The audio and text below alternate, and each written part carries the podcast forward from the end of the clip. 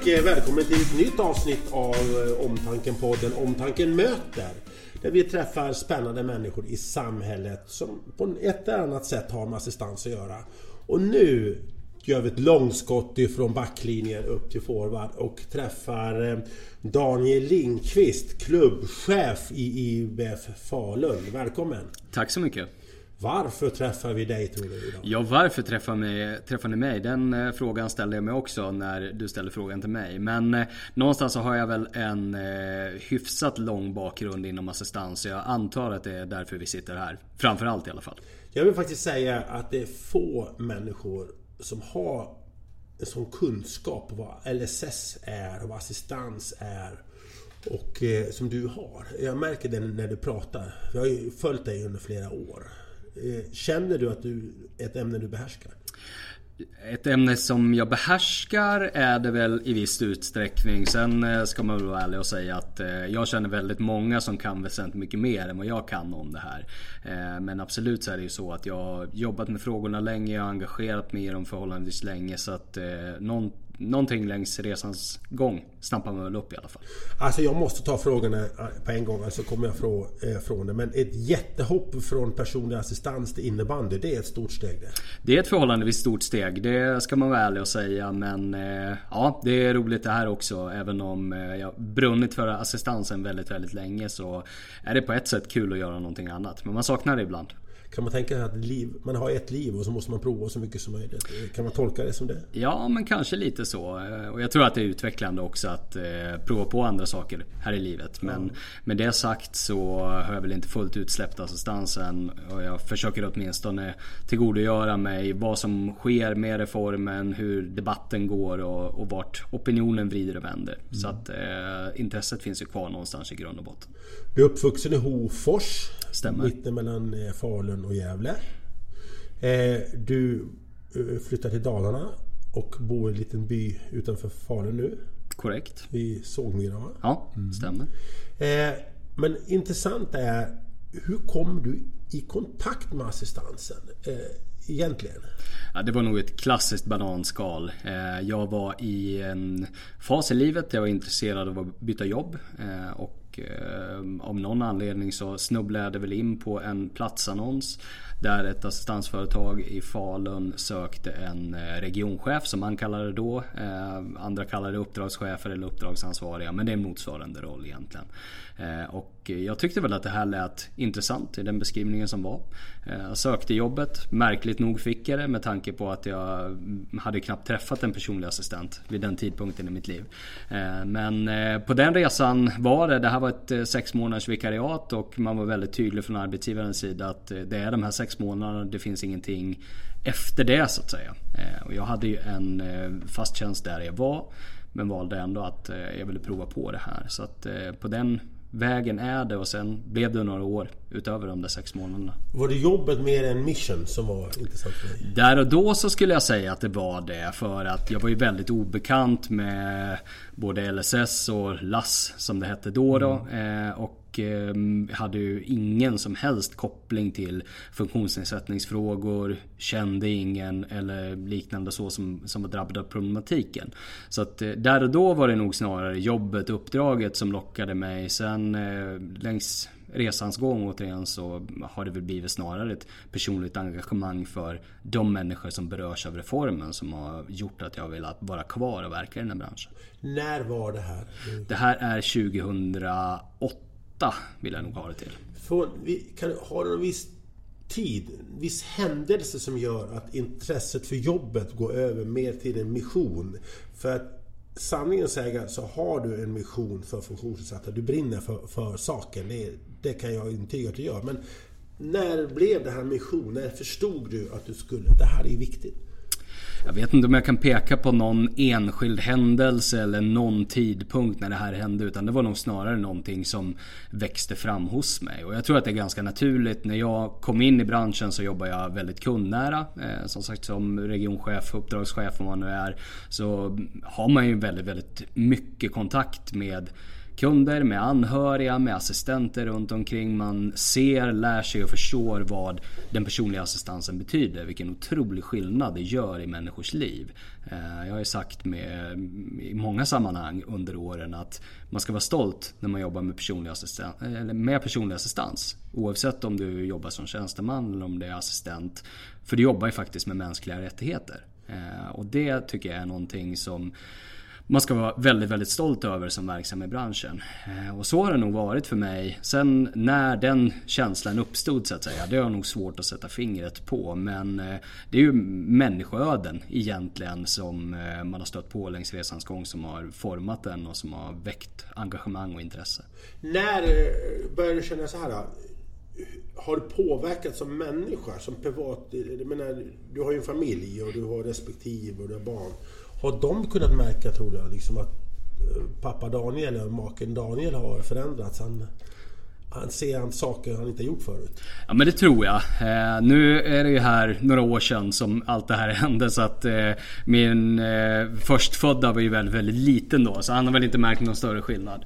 Eh, men eh, däremot så, så tror jag att det här är en verksamhet som kommer en väldigt nära. Jobbar man med det här och gör det av de rätta orsakerna och över en längre tid. Då tror jag att det är oundvikligen så att det kryper en ganska nära. Och det är klart att eh, människor man träffar, eh, egentligen berättelser man hör. Det är klart att det formar en som person. Och någonstans så uppstår, tror jag, en ödmjukhet i att eh, man ska inte ta saker och ting för givet utan saker och ting kan förändras och det kan du göra väldigt, väldigt fort. Eh, man ska vara ödmjuk och tacksam. Ja, men lite så. Det må ju låta klyschigt men man ser ju också vad som sker när någonting faktiskt händer som mm. kullkastar livet i mångt och mm. mycket. Det har du sett en hel del.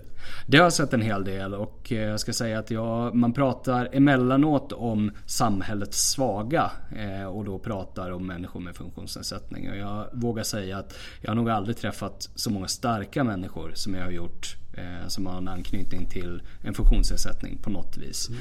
Eh, därför att det finns eh, familjer, det finns personer, individer med funktionsnedsättning. Det finns människor runt omkring som klarar av otroliga prövningar. Och man går igenom det på ett sätt som är väldigt, väldigt imponerande tycker jag. Och jag tänker mig familjerna är nära, mamma, pappa, anhöriga. Och sen de som inte får LSS, liksom, hur de kämpar. Absolut. Eh, där har vi stått på ganska många relativt tragiska människoöden mm. genom åren. Mm. Människor som har gått in i väggen för att man har burit en omänsklig börda under ganska många år. Eh, och att man tillåts göra det i Sverige 2022 och har tillåtits göra så. Det tycker jag är ett underbetyg på den reform vi faktiskt har och synen på människor som är en del av vårt samhälle. Nu har du en politikerton här nu, men blir du förbannad om man säger ren människa, Daniel? På när man läser om enskilda fall så kan man absolut bli det. Eh, sen har man ju kanske varit tvungen också med åren när man jobbar med de här frågorna och försöka lyfta blicken till någon form av makroperspektiv och liksom se det mer som ett kollektiv. Eh, men naturligtvis är det så att man stöter på människor och man hör vad de har fått gå, gå igenom. Det är klart att man, man blir förbannad och man känner att det är inte det här det är inte på det här sättet vi ska behandla svenska medborgare. Men Daniel, nu är det ju så här att nu fuskas det ju väldigt mycket. Och det, eller, och det är en jävla skumraskbransch. Eller? Hur säger du när folk säger så till dig? Nu tycker jag, nu hör jag det mer sällan nu då i och med att jag inte är aktiv i branschen på det, på det sättet längre. Men det är klart att det här har ju varit en diskussion som har förevarit egentligen under alla år jag har varit verksam i den. Eh, sen har den kanske tagit sig lite olika uttryck. Eh, men eh, på det hela taget så har det ju alltid funnits någon form av liksom lite skumraskstämpel på saker och ting sådär. Eh, med visst fog får man säga. Branschen har också varit med och eh, skapat det här därför att det finns eh, lite för många aktörer som inte har skött sig. Jag tycker omgivande aktörer som faktiskt sköter sig har kanske inte varit tillräckligt tydliga mot sina kunder eller mot omvärlden liksom har tagit avstånd från det här heller. Eh, så att eh, jag tycker branschen som sådant ska liksom inte bara peka finger åt andra håll, myndigheter och så vidare och säga att det är deras fel. Utan någonstans så äger man, tror jag, gemensamt ansvar för en hållbar LSS-reform framåt. Men med det sagt så det är klart att det har under egentligen alla år det här har pågått så har ju den här fuskdebatten getts en omfattning som inte är med värld och verklighet överensstämmande. När man har gjort försök att sätta siffror på det här så är ju de siffrorna ganska sällan verklighetsförankrade. Utan det är, det är lite gissningar man skjuter från höften och man pratar om uppskattningar som egentligen inte kan kvantifieras på något sätt. Eh, och jag tror tyvärr att det här har varit ett eh, ganska tacksamt medel för myndigheter som har haft för ambition att skära i kostnaderna mm. för LSS. Man har sett en kostnadsutveckling som man har varit öppen med att den är problematisk. Eh, men det här är en rättighetslagstiftning vilket innebär att man ska ha rätt till den insatsen man har oaktat vad det kostar så ska lagstiftningen följas. Och det blir ju ett problem då när man samtidigt med andra handen vill hämta hem pengar och säga att det här måste kosta mindre. Då har, tror jag, fuskdebatten varit ett ganska tacksamt slagträ eh, att ta till för att få sätta in åtgärder som egentligen är i strid med lagstiftningen. Ja, jag brukar fråga så här, ja visst det fuskas men hur, hur många mm. fuskar tror du? Mm. Då, då blir det det handlar om någon procent bara. Ja, eh, de rimliga siffror är ju på, på ensiffrigt antal procent. Ja. Så, och det är allvarligt i sig, så är det.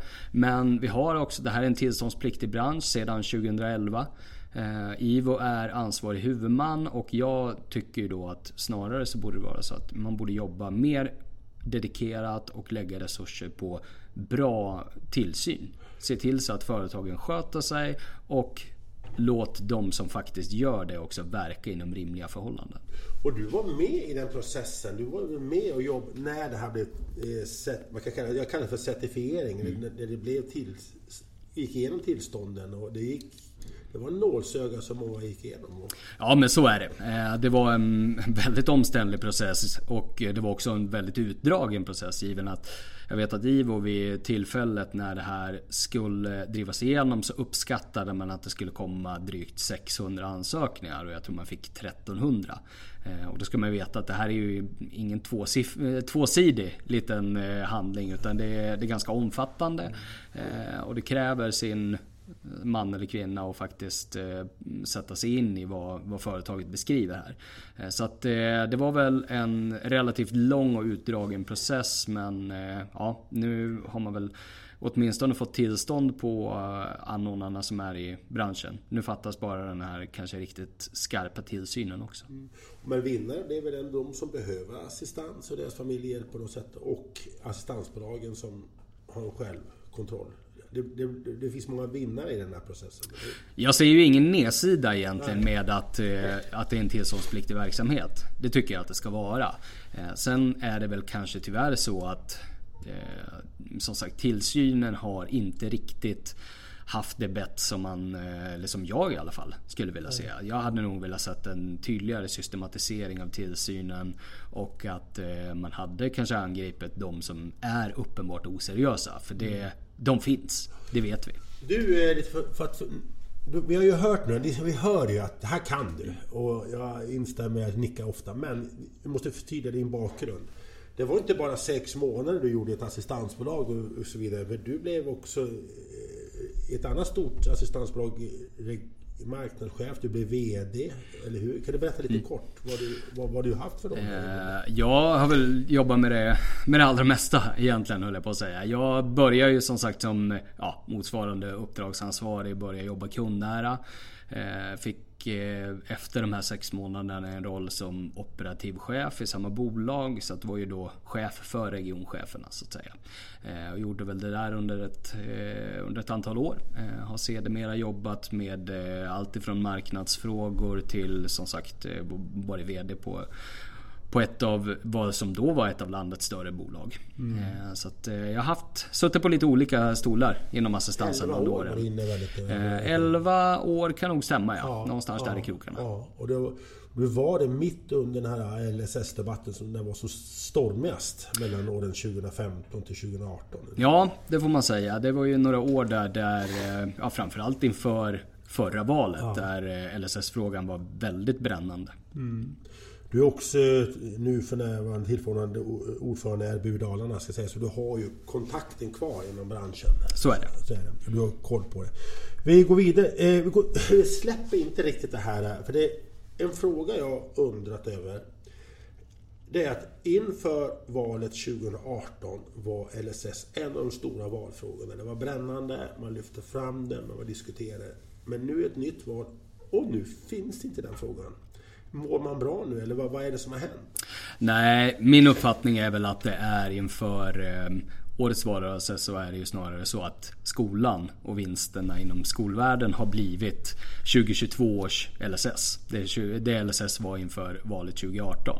Mm. Jag tror snarare att det handlar om att eh, efter valet så kom ju den famösa Reepalu-utredningen som jag och många med mig eh, fightades ganska hårt för att den här skulle åka i i sopkorgen. Vilket den också gjorde i samband med januariöverenskommelsen. Så var ju en av punkterna att den här skulle skrotas. Eh, vilket den nog gjorde. Fick inget gehör överhuvudtaget.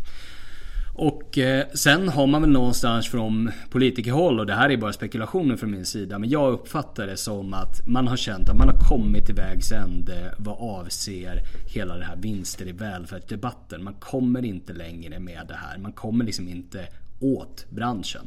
Eh, och det man då har gjort är ju att eh, bedriva lite en form av lågintensivt gerillakrig eh, genom myndighetsutövning gentemot assistansberättigade och assistanssökande ska man säga.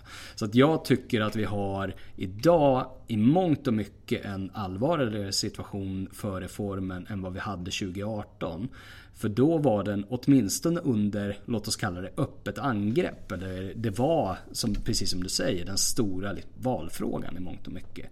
Eh, och då kan åtminstone debatten bedrivas på ett hederligt sätt. Medan idag bedrivs det återigen som du säger, ingen debatt mer eller mindre. Utan snarare så är det så att eh, man bedriver det här från, genom myndighetsutövandet. Så gör man det väldigt, väldigt svårt att få assistans. Man gör det också väldigt, väldigt svårt att ha assistans. Och man har med eh, diverse, ja, utövat genom IVO eh, åtgärder mot assistansbolag. Som man då också gjort väldigt, väldigt svårt att bedriva assistans. Vilket i slutändan drabbar den enskilde eh, assistansberättigade. Så du menar alltså att de, de assistansberättigade är mer utsatt i nu eftersom den inte belyser utmaningen eh, än eh, vad det var förra gången? Ja, jag påstår ju det. Eh, det är min uppfattning i alla fall att en, en fråga som debatteras öppet är det liksom svårare att ta i en riktning som allmänheten inte önskar.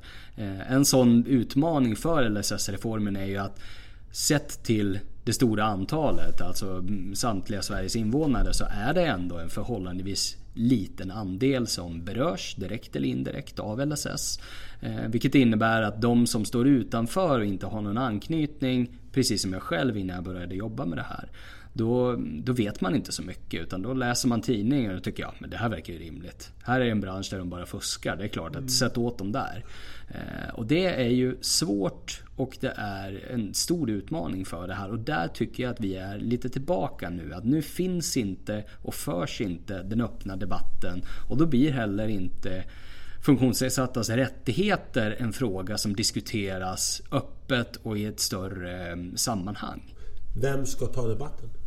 Det tycker jag att eh, framförallt företrädare för funktionsnedsättningsrörelsen och då inkluderar jag assistansbolagen. Jag har själv under alla år egentligen som jag har jobbat med det här försökt att, att vara deras röst, så att säga. Våra kunders röst och inte bara våra kunder utan någonstans så, så vill man ju företräda den, den stora massan som faktiskt är behov av den här reformen. Eh, jag tycker att eh, allt ifrån intresseorganisationer, assistansbolag och så vidare bör och ska ta ett ganska stort ansvar för det här. Därför att eh, den assistansberättigade själv har ofta svårt att göra det och anhöriga runt omkring har svårt att orka med att göra det. Jag tycker att eh, här faller ett ganska stort ansvar att vara lite mer offensiva i hur man bedriver frågan. Jag tycker, min känsla är att de här funkisrörelsen, funkisorganisationerna, det är mycket prat och lite verkstad där.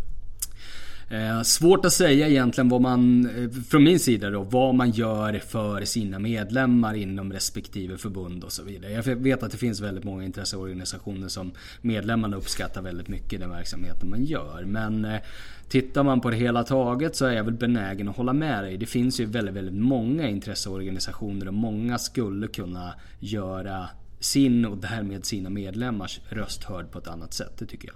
Vi ska inte nämna några speciellt utan de får känna sig träffade, de som känner att vi kan göra lite bättre. Så, att säga. så är det. Men eh, vad kan det här leda till om nu man liksom inte kliver fram och inte lyfter det här, vilket verkar vara svårt att göra. Vad ser du farhågor i det här? Farhågorna är väl en fortsatt nedmontering av LSS-reformen som helhet. Eh, för att eh, det finns ju ekonomiska intressen i det här. Det ska man ju vara medveten om. Det är ju inte så att LSS har börjat kosta mindre eller att man från politikerhåll tycker att det är ett mindre problem att det här kostar mycket pengar. Det är klart att den här frågan finns ju kvar. Det är bara att den inte förs fram på samma sätt för att man har konstaterat att vi har inte framgång med att driva frågan på det här sättet som vi har gjort. Eh, man har valt en annan väg men riskerna är ju att utkomsten blir densamma. Alltså en nedmontering av LSS-reformen. Människor får egentligen sämre möjligheter att leva som andra. Det är ju andemeningen i LSS-reformen. Finns det alltså politiker, politisk falang en, en, som har en agenda verkligen kraftfullt eh, montera ner LSS-reformen? Menar du att det finns, du behöver inte peka ut vilka du syftar på, men det finns en kraft inom svensk politik som vill gör det? Hur kraftfull den är vågar jag inte säga eller spekulera i. Däremot så tror jag att man ser LSS som en del där man skulle kunna kapa kostnader om man ska vara cynisk. Eh, jag tror att eh, för Sverige liksom för många länder och inte desto mindre nu efter efter pandemi och risk för en global recession och allt vad det är så, så kommer man att behöva Man kommer att ha ett ganska stort behov av att hålla hårt i pengarna. Och eh, där tror jag tyvärr att LSS-reformen är en sådan där man ser att det här skulle kunna få kosta lite mindre. Någonstans så handlar ju politiska avväganden i slutändan väldigt, väldigt ofta om opinionssiffror. Mm. Eh, och där är ju återigen kommer vi tillbaka till att det måste finnas aktörer som gör att assistansberättigades röst blir hörd.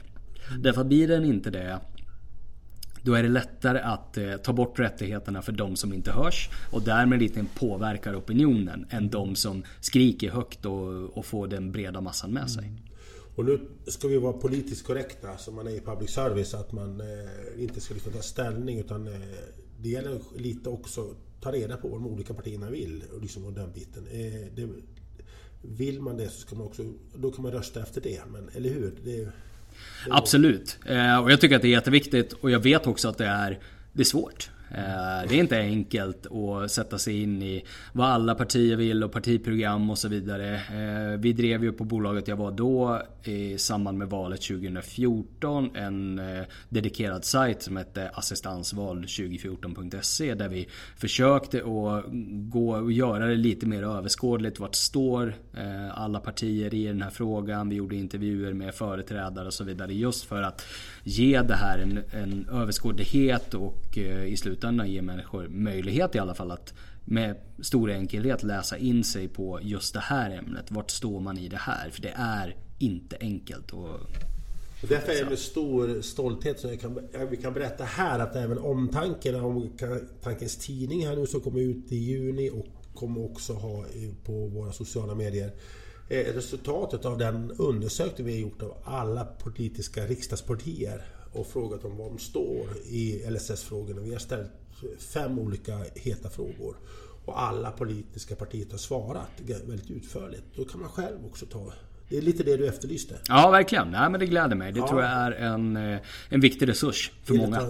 Ja, för det, man reagerar som människa när det inte är självklart får hjälp med andning och sondmatning. Att det inte är en självklarhet. Mm. Jag förstår, förstår inte det här.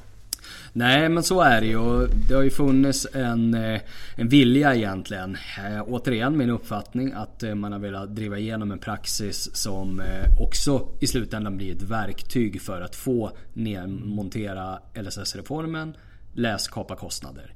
Eh, för i slutändan så är det ju dit man har velat komma och min uppfattning är att man fortfarande vill dit. Eh, man har bara kanske ändrat verktygen lite grann så. Men eh, som sagt allt ifrån tillämpningen av lagstiftningen till hur IVO i det här fallet följer upp assistansbolagen och så vidare. Är, någonstans så, så finns det ändå en viljeinriktning där att det ska vara ganska inom citationstecken svårt då gör vi så innan vi går vidare i programmet en varning här nu att låt inte den här frågan begravas i välviljans blöta filt som Björn Bengt Westerberg sa en gång i tiden. Han som skapade LSS. Mm. Utan nu gäller det att vi står upp, vi frågar politiker vad de tycker och så vidare. Att I varenda gatuhörn, varenda torgmöte. Mm. Vi måste alla lyfta frågan, eller hur? Nej men så är det ju. Jag tror att det är, i slutändan så är det det viktigaste. För man ska också ha med sig att motsatsen fungerar inte heller. Det går inte att alla kan få allt så att säga i termer av att man ska bara ansöka om x antal timmar och så får man dem. Tyvärr så, så fungerar inte det. För det finns någonstans en realpolitisk eh, ekonomi att förhålla sig till som gör att ja, men det, det är inte ett system som är hållbart heller. Eh, jag tycker att hållbarhet vilket ju är en global megatrend och någonting som vi pratar om i, i stort sett alla sammanhang. Men jag saknar den allt för mycket i just den här, i, i assistansvärlden egentligen. För hållbarhet är ett väldigt, väldigt applicerbart begrepp på hela den här branschen. Jag tycker att det finns ett ansvar hos alla från i slutändan assistansanvändarna. De som ska välja bolag. Till bolagen själva, till myndigheter. Man ska verka för en hållbar assistans, man ska verka för en hållbar LSS-reform. Mm. LSS-reformen är någonting förhållandevis unikt internationellt sett och någonting som vi i Sverige ska vara otroligt stolta över. Mm. Och vi ska vara måna om att bevara den. Eh, men likväl som det finns intressen av att liksom från, kanske från myndigheter och politiker att kapa kostnader och därmed inom citationstecken försämra. Så finns det ju på sina håll ett, en motkraft så att säga som faktiskt överutnyttjar, fuskar, allt vad det är. Det, det finns båda delarna där. Och någonstans så måste man från alla parter som vill den här reformen väl ha hållbarhet som ett centralt begrepp i sin verksamhet. Jag är helt övertygad om att det går. Eh, jag tycker att många bolag skulle kunna göra mycket mer och i slutändan så finns det faktiskt ett ganska stort konsumentansvar i det här. Eh, för att ett sätt som själv assistansberättigad eller anhörig att ta ansvar för en hållbar reform. Det är att välja bolag som man känner att ja, men de här har faktiskt rätt kärnvärden. De bedriver en verksamhet som innebär att vi kommer att få ha den här reformen kvar över tid. Och det är också en viktig, som var en kan göra, ett val. Att göra, välja det bolaget som har de rätta kärnvärdena som lever upp till vad assistansen är till för. Verkligen så. För det är ju trots allt i slutändan marknadskrafterna som styr på en privatiserad och öppen marknad. Eh, och, och, det är inte en eh, extra charterresa till Kanarieöarna som är det avgörande? I det nej, eh, och jag har sagt det till kunder när den typen av diskussioner har kommit upp. Att visst, sju dagar i Dubai, det låter ju fantastiskt. Men jag kanske skulle välja hellre att de övriga 358 dagarna på året vara ganska trygg med att på morgonen när jag ska kliva ur sängen då kommer min assistent och hjälper mig.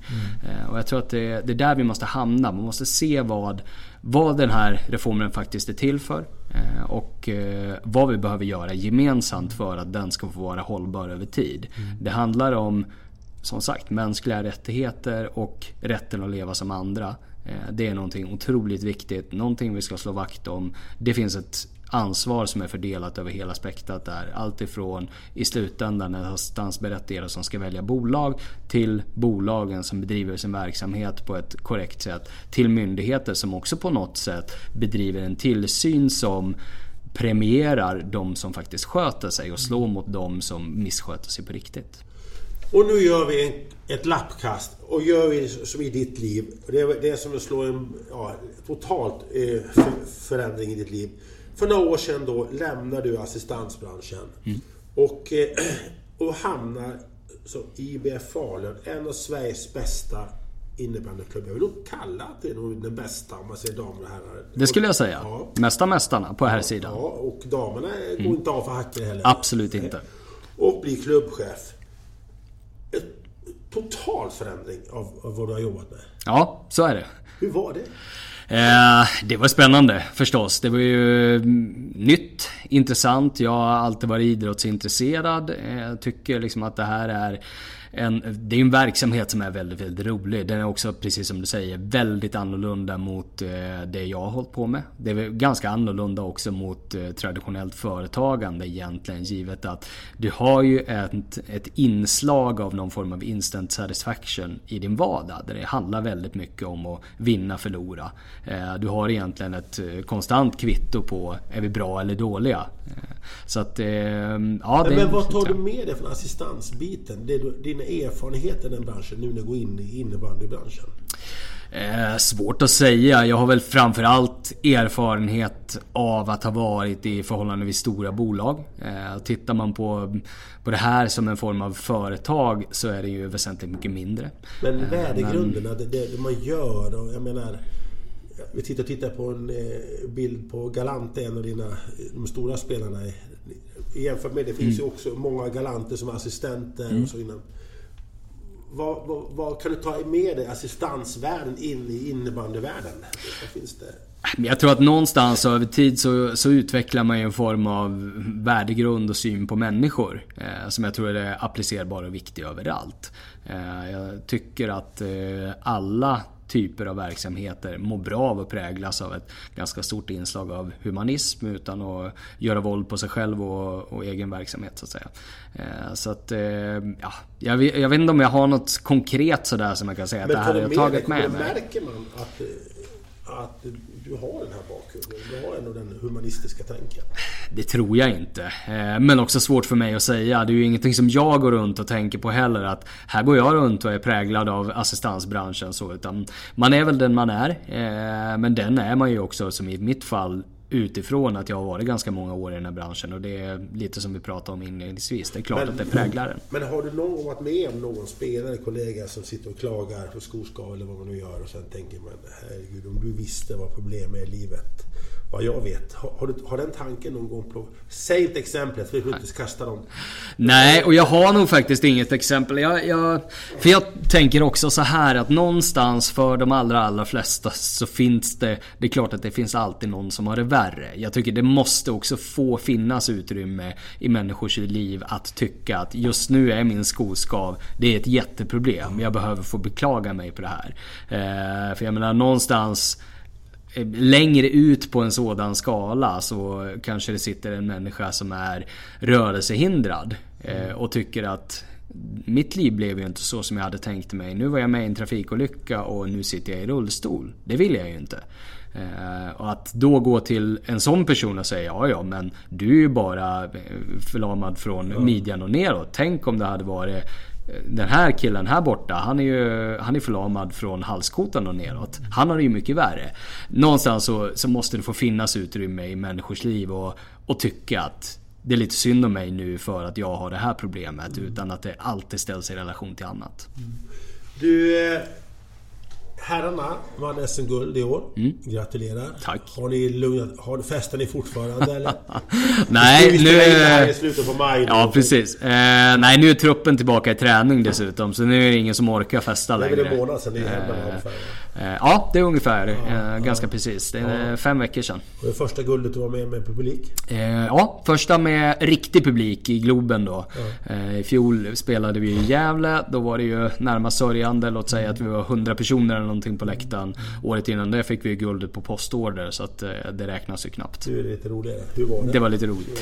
Nej men det är ju mäktigt såklart. Jag är ju ganska dålig i de här sammanhangen. Jag mår ju nästan uteslutande dåligt ska man säga. Jag, jag tycker ju 99,5% av tiden är ju bara jobbig och en plåga. Eh, men eh, desto skönare sen när det går vägen. Sen har du ett damlag som växer för varje år. Mm, verkligen. De är riktigt bra. De är riktigt bra. Eh, vi är långt framme. Jag skulle säga att vi är en finalkandidat året som kommer här. Eh, och vi var ju en eh, ribbträff i en straffläggning ifrån att ta oss till semifinal redan i år. Eh, hade en lite stökig start på säsongen men längs Längs resans gång så växte de samman som grupp och gjorde det riktigt, riktigt bra efter jul och framåt. Och gjorde en fantastisk slutspelsserie mot Endre som var klart favorittippade mot Falun. Så att, eh, det är ett starkt lag och kommer att bli riktigt spännande kommande säsong. Ska man spela på dubbelt Falun nästa år? Ja det tycker jag, absolut. Ja, vad talar för det? Det som, ja, tittar vi på här sidan så, så är vi och ska vara ganska tydliga guldfavoriter ja. skulle jag säga. Vi har starkast trupp. Mm. Eh, det, och på damerna så tycker jag att vi har åtminstone det intressantaste projektet. Sen får vi se om det bär hela vägen i år. Eh, men jag är helt övertygad om att i Globen kommer vi att vara inom en inte alltför avlägsen framtid. Eh, vi har Thorengruppen och Pixbo på damsidan som är fortsatt lite grann en klass för sig kanske. Men vi slog Pixbo 2-1 hemma här i grundserien på, på sluttampen.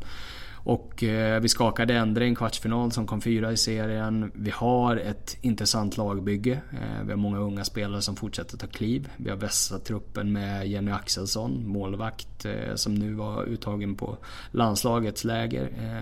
Som gick av stapeln här i helgen. Men du, vilka utmaningar har ni för att det ska bli, den här målsättningen ska bli av? Vad är det viktigaste för det finns många utmaningar med det där förstås. Vore det enkelt så hade ju alla gjort det. Eh, dels så är det väl den rent sportsliga utmaningen.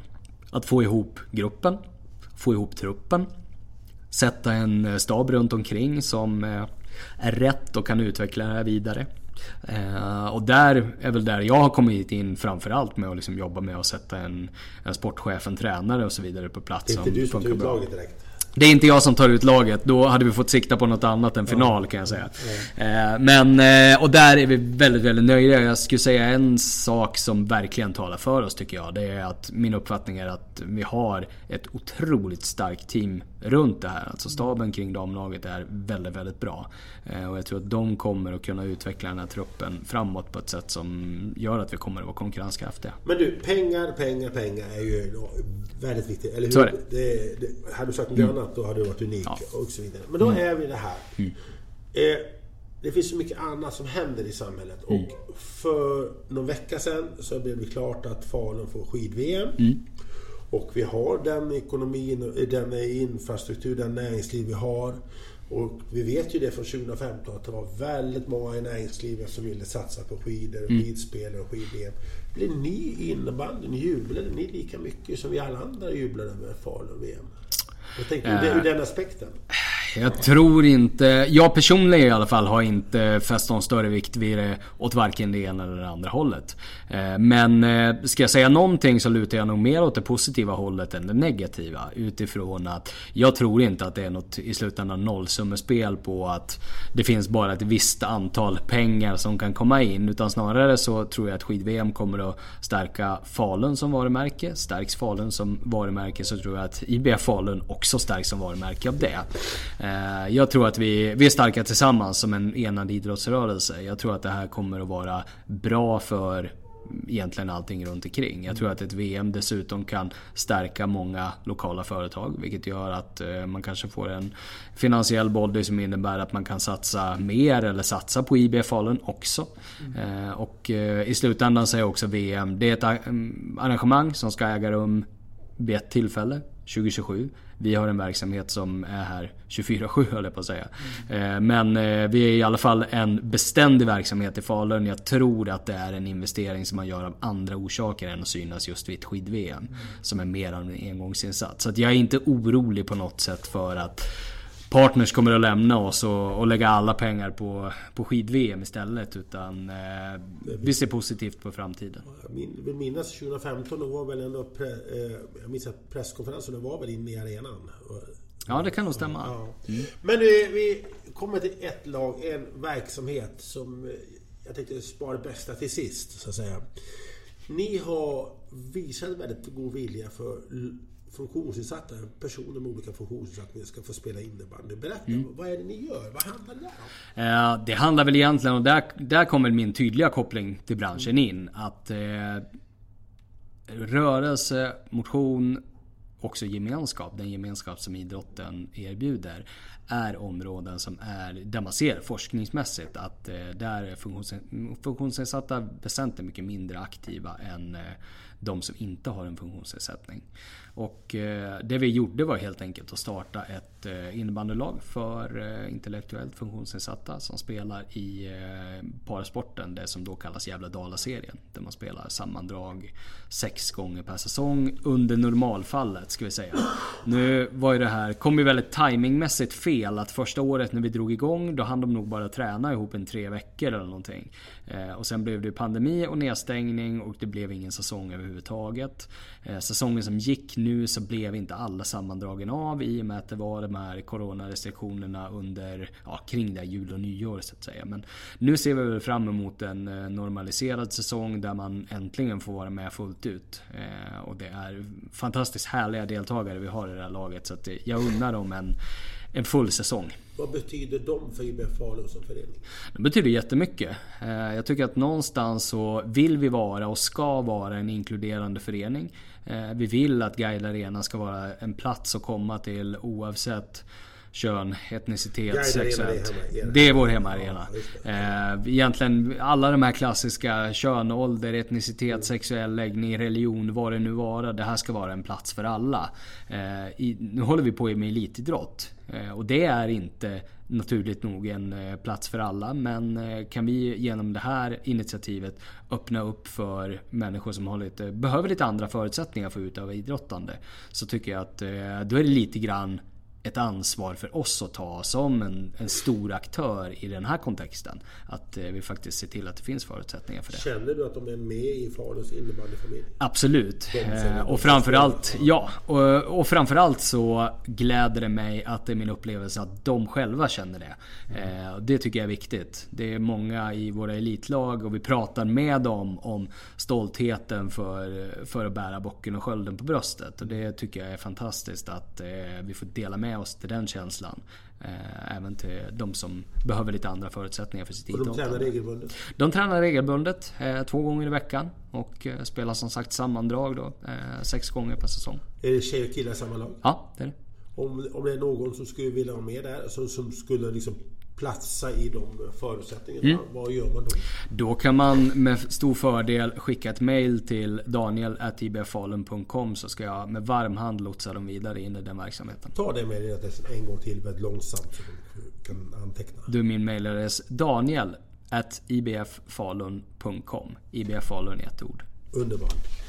Du, och ni har tränare, ni har organisation kring Vi har tränare, vi har lagledare och eh, överlag så är det ett eh, fantastiskt trevligt gäng. Jag vet att de har riktigt roligt så att, eh, jag uppmanar alla som vill att komma och prova på. Men eh, det är spännande när vi planerade det här samtalet så avslöjar en liten eh, ambition med det här laget. Kan du berätta? Ja, och man ska väl inte springa iväg och lova för mycket innan man vet att någonting blir av. Men eh, man har ju under ett par år försökt att åka på en kupp eh, med det här laget. Och det har inte blivit av eftersom det har varit, det har varit pandemi. Och det har varit svårligen genomfört då. Och nu har vi väl börjat titta så smått i alla fall på att eh, själva arrangera i och med att eh, vi är ganska stora arrangörer av kupper i Falun. Vi har en infrastruktur för det här. Vi har erfarenhet av hur man gör ett arrangemang på ett bra sätt. Eh, och eh, det tittar vi på att överföra även till parasporten. Eh, vi är intresserade av att eh, starta upp en verksamhet där vi har dels cup för i de här vanliga klasserna för intellektuellt funktionsnedsatta och så vidare. Och eh, vi tittar också med eh, spänning på vad eh, elhockeyn eller elinnebandyn tar vägen. Nu ska vad är det? Det är ehm, Ja, det är väl en form av, av innebandy kan man säga fast i rullstol. Mm, okay. Och eh, heter väl, jag tror att den ska döpas om till elinnebandy faktiskt. Men den heter elhockey, den påminner mer om innebandy mm. egentligen. Och eh, här ska man eh, ha ett arrangemang som heter World Volt Games om jag inte missminner mig. I Gävle i september. Dit har jag anmält mig som, eh, som volontär, eh, som funktionär helt enkelt för att få se hur går det här arrangemanget till och är det här någonting som eh, IBF Falun skulle kunna regissera framöver? Jag tror att det kommer att kunna vara det och jag tror att vi skulle kunna göra någonting otroligt spännande av det här. Vilken grej för er för klubben. För, det vore häftigt, ja, absolut. Och inte bara för klubben, för berörda anhöriga. Definitivt. Och eh, vi har ju den stora fördelen här. Är, vi anordnade Falun Floorball Cup nu helgen som gick. Eh, och eh, det vi märker att vi har det är möjligheten att integrera det här väldigt, väldigt nära vår elitverksamhet. Vi kan ha spelare som prisutdelare, vi har en arena som är en av landets finaste och så vidare. Vi har intron och vi har jumbotron och vi har allt det här. Det är klart att vi vill ju på samma sätt här att det här ska ju vara... Vi ska vara inkluderande, det ska finnas möjligheter även för de som kanske inte har fysiska förutsättningar att eh, idrotta på den absoluta mm, toppnivån. Att spela i SSL eller någonting. Man har inte möjlighet att drömma om det. Men då kanske man har möjlighet att drömma om att ändå få spela inför Guide Arena eller eh, komma in till ett fullskaligt SSL-intro. Och det här måste ju ha vara ett resultat av din tidigare verksamhet inom assistansen? Ja men så är det ju. Det är ju dels närheten till till målgruppen. Eh, så att säga. Men också att eh, man känner mycket folk som eh, har kloka inspel på det här och någonstans så brinner jag ju i slutändan också för att man vill vara med och ge möjligheter. Det ville jag när jag jobbade inom assistans. Då handlar det mer om det vardagliga. Att man vill ge möjligheter för människor att klara sitt liv så bra som möjligt efter de förutsättningar man hade där och då. I den här rollen så handlar det kanske mer om sugar on the cake så att säga. Att eh, man kan också få leva ut min eh, elitidrottardröm. Eh, och kanske få som sagt springa eller rulla ut till ett Guide Arena inför ett samma SSL-intro som Galant och Karlström eller Moa Gustafsson. Så vore väl det fantastiskt att få vara med och uppfylla det. Då, då, då vet vi redan idag att vi har alltså Sveriges bästa herrlag. Mm. Ett av Sveriges bästa damlag. Mm. Vi har en ungdomsverksamhet som är imponerande. Mm. Det har jag förstått. Ja. Och så nu ska vi också ha en av Sveriges bästa verksamheter inom parasport innebandy. Det? Det är absolut ambitionen. Vad var eh, utmaningen i parasport innebandy? Vad är utmaningen?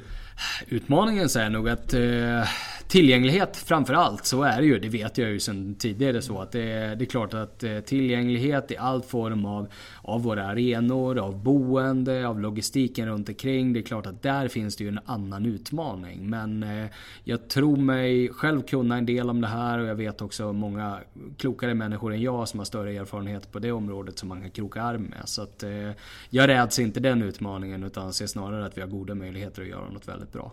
Det här låter spännande.